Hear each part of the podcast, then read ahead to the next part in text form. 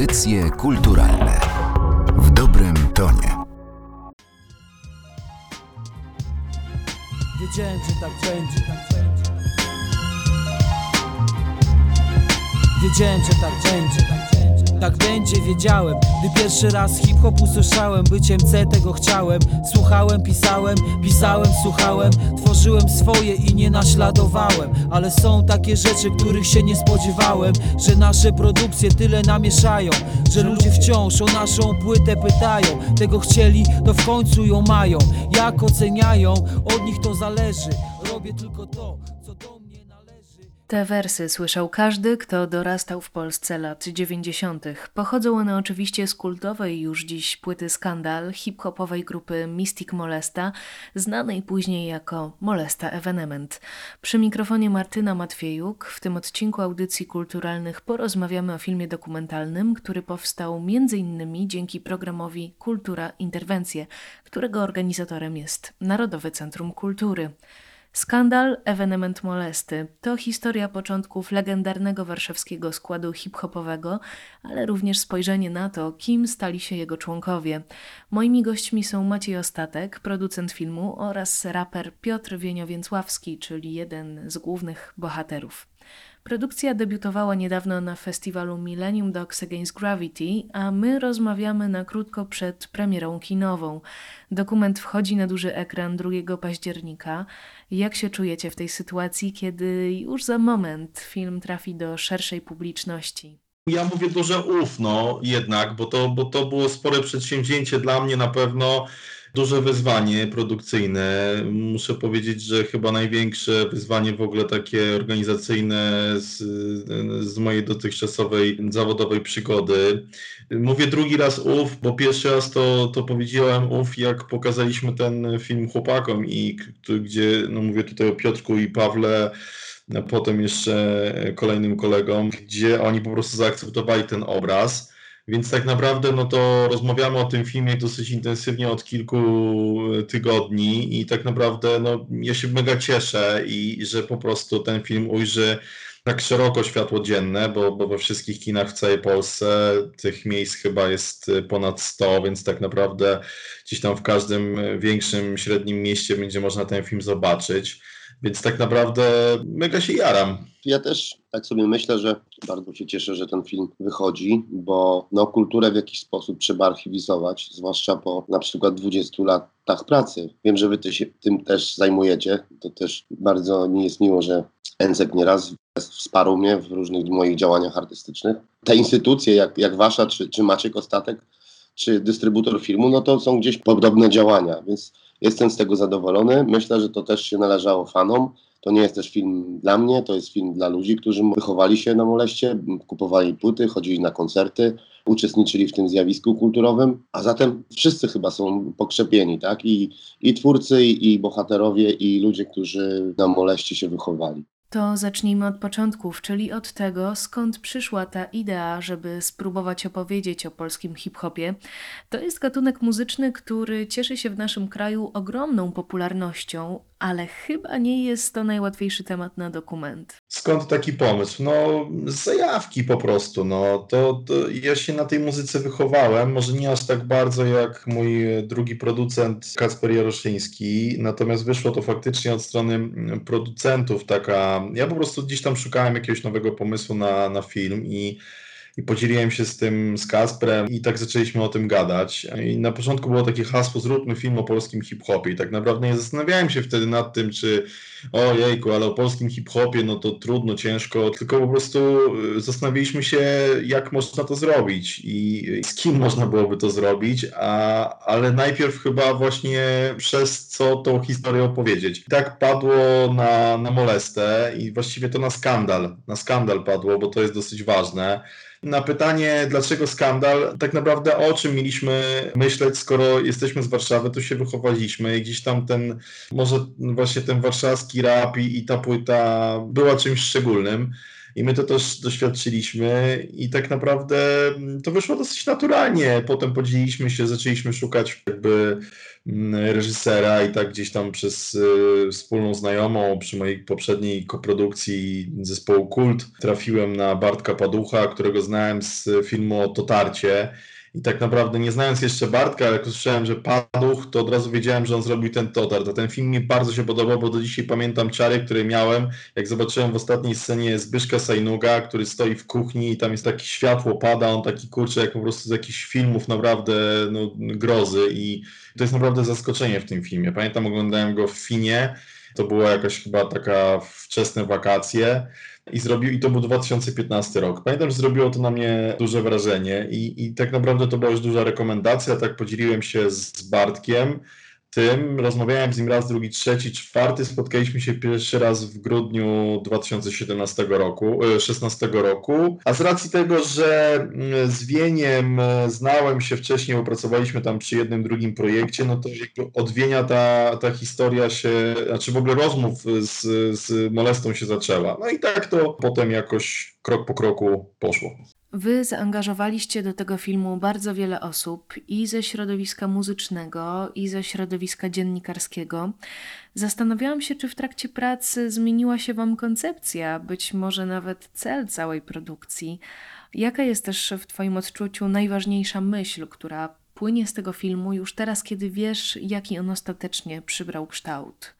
Wydaje mi się, że najważniejsza jest myśl taka, że i to chyba nam się udało. Ta forma pewnie, mm, ona się na pewno zmieniała i dobór tej treści też się zmieniał, ponieważ dokument to jest forma żywa i trudno pisać e, scenariusz filmu dokumentalnego. Natomiast oczywiście co musieliśmy gdzieś tam zrobić, ale, ale potem się śmiałem po prostu z tego, że to co Bartek wymyślił versus rzeczywistość. Oczywiście wiesz, możesz bazować na archiwach i tak dalej i zakładać, że coś takiego znajdziesz albo bazować na tym, że wiesz, że to jest dostępne. Natomiast y, rozmawiając z ludźmi, no, możliwości wykoprytnięcia się w, w, trakcie tego filmu było pewnie mnóstwo, bo, bo jakby, wiesz, no, reakcja naszych bohaterów mogła być też różna i my mogliśmy pójść w różną stronę, ale jedno jest pewne, to, to, to jestem pewny i to, to nam się udało, ale my chcieliśmy naprawdę to zrobić, to znaczy my chcieliśmy pokazać, jak y, ludzie, którzy nagrali tą płytę, zmienili się przez 20 lat. I wydaje mi się, że ta płyta właśnie jest o zmianach. To znaczy, takie było nasze założenie. Jak ci goście nastoletni, kurcze, którzy byli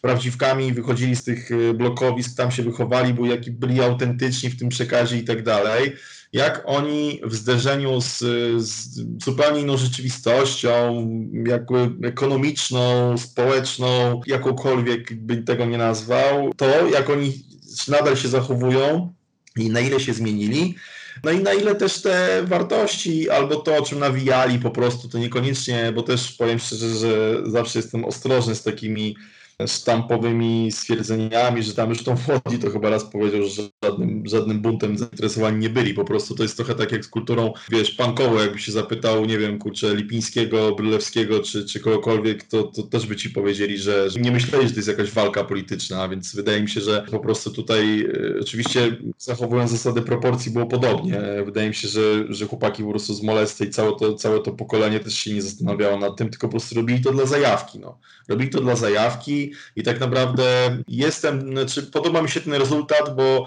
my faktycznie chcieliśmy pokazać tą, tą zmianę tych ludzi, naszych bohaterów, którzy nagrali tą płytę pokazali, że ta płyta po prostu wywaliła drzwi z futrynami e, w tamtym czasie, wywarła duży wpływ, a potem, potem kurczę, co się z nimi stało, no i gdzie ich zaniosła, jakby kim oni teraz są, nie, jak, jak mówią, jak się ubierają, co robią, tak, jakby czym się zajmują, jakich mają kolegów. To nam się podobało. Jeszcze druga rzecz, która, no bo te 90 e, lata są nieopowiedziane, tak, w sensie coraz częściej w popkulturze te, te 19 tak, są takie interesujące i wiele twórców się za to łapie, bo tak, bo mamy tą, tą najbliższą historię taką nieopowiedzianą, tak, I, i wydaje mi się, że to też wynika z tego, że ludzie, którzy się wychowali w tamtych latach zaczynają po prostu robić takie rzeczy i to, to z tego wynika, tak. Powiedziałeś o bohaterach, a skoro o bohaterach, Wieniu, jaka była twoja pierwsza myśl, kiedy dostałeś propozycję udziału w tym filmie? Jak przyszli do mnie koledzy Bartek i, i Maciek, oczywiście się ucieszyłem, ale miałem też takie nakładające się na siebie radość i, i, taki niepokój trochę. Myślałem, że trochę będzie z nami krucho, krótko mówiąc. Myślałem, że, że będziemy trochę tej żółci na siebie wypluwali, a tymczasem jakby myślę, że kurz opadł po tylu latach i, i jakieś takie może tarcia między nami lub jakieś niesnaski lub rozczarowanie może minęło i, i każdy zrozumiał, że ważne jest jednak, żeby zarchiwizować tą naszą historię.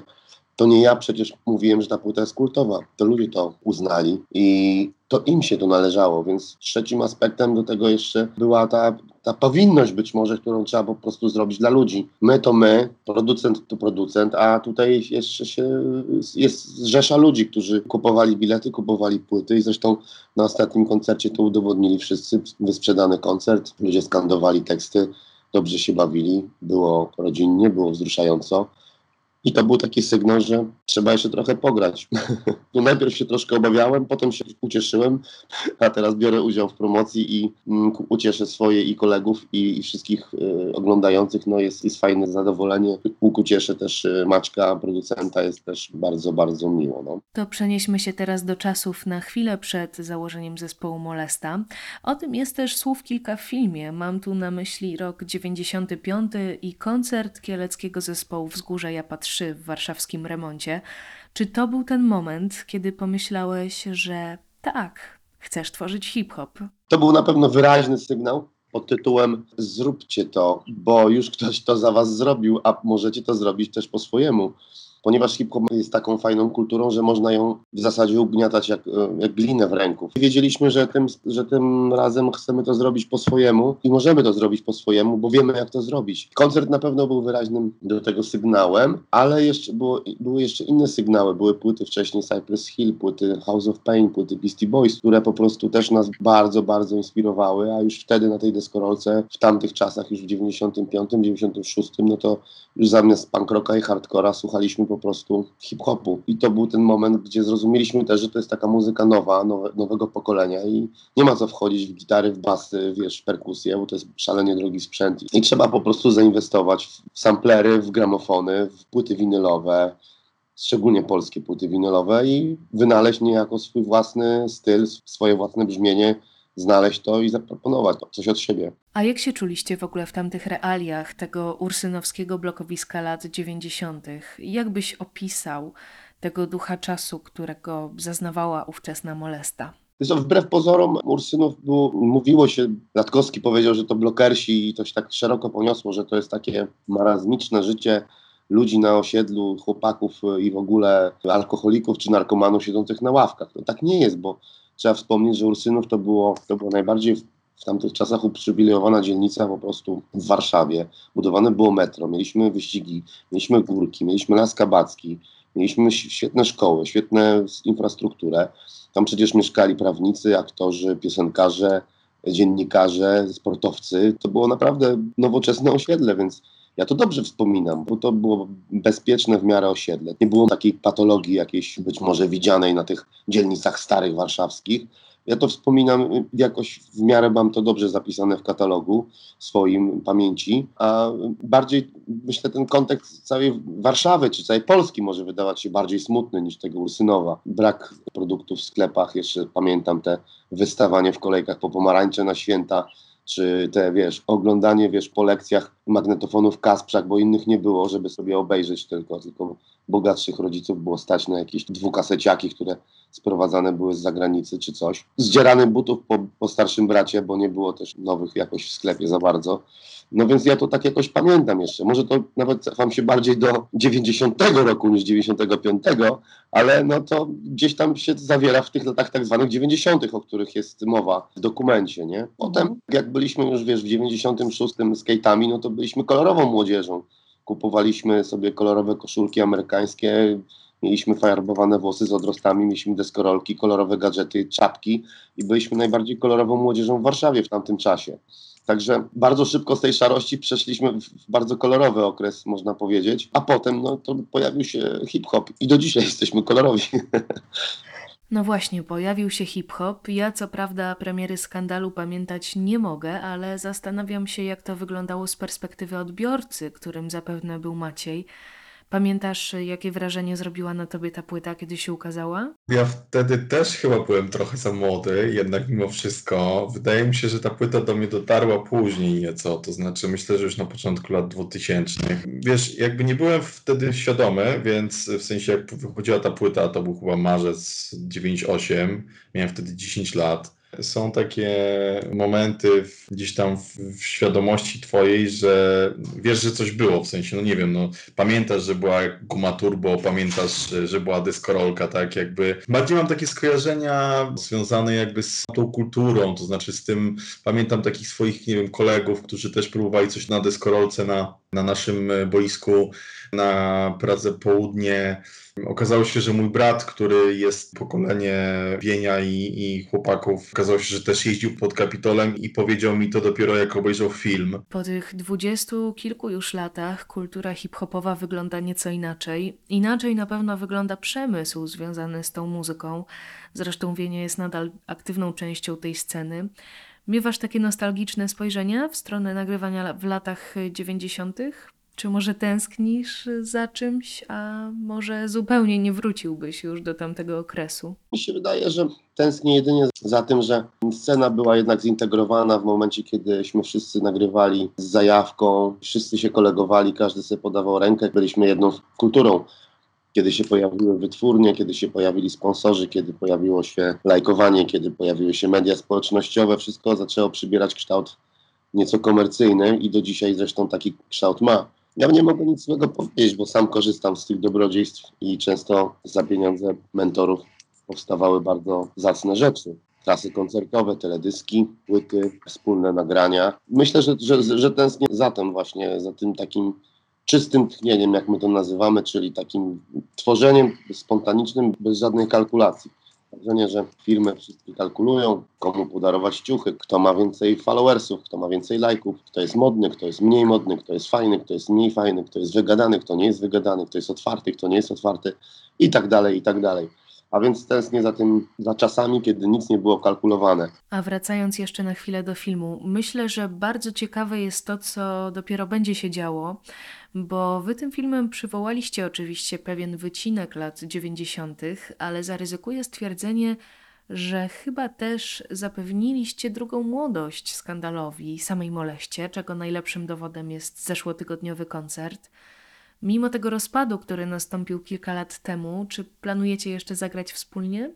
Oczywiście tak, myślę, że to był tylko kamień teraz wrzucony do wody, być może przez Maćka i Bartka, ale też przez samych nas, jeśli chodzi o ten koncert i, i decyzję o, o wspólnym koncertowaniu. No i myślę, że to się dalej potoczy i dalej, dalej poleci w świat ta radosna wiadomość, że możemy zagrać, że możemy przygotować materiał przekrojowy, taki materiał, który pokaże właśnie tą mo- molestę z, od, od pierwszego momentu do w zasadzie ostatniego. A czy będzie coś jeszcze?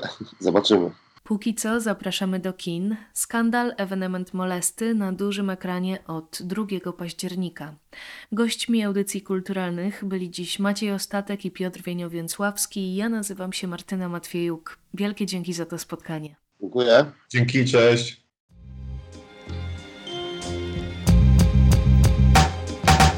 Osiedlowe akcje, co chcesz, o nich wiedzieć Trzeba być z nami, robić to, żeby wiedzieć Osiedlowe akcje, co chcesz, o nich wiedzieć Trzeba być z nami, robić to, żeby wiedzieć Dzień za dniem, odkrywam na osiedlu nowe miejsca, nowe akcje Wiem, że mam rację, że chwalę swoje Oczko w głowie mojej, tylko zobacz, dzieciaki w piłkę grają.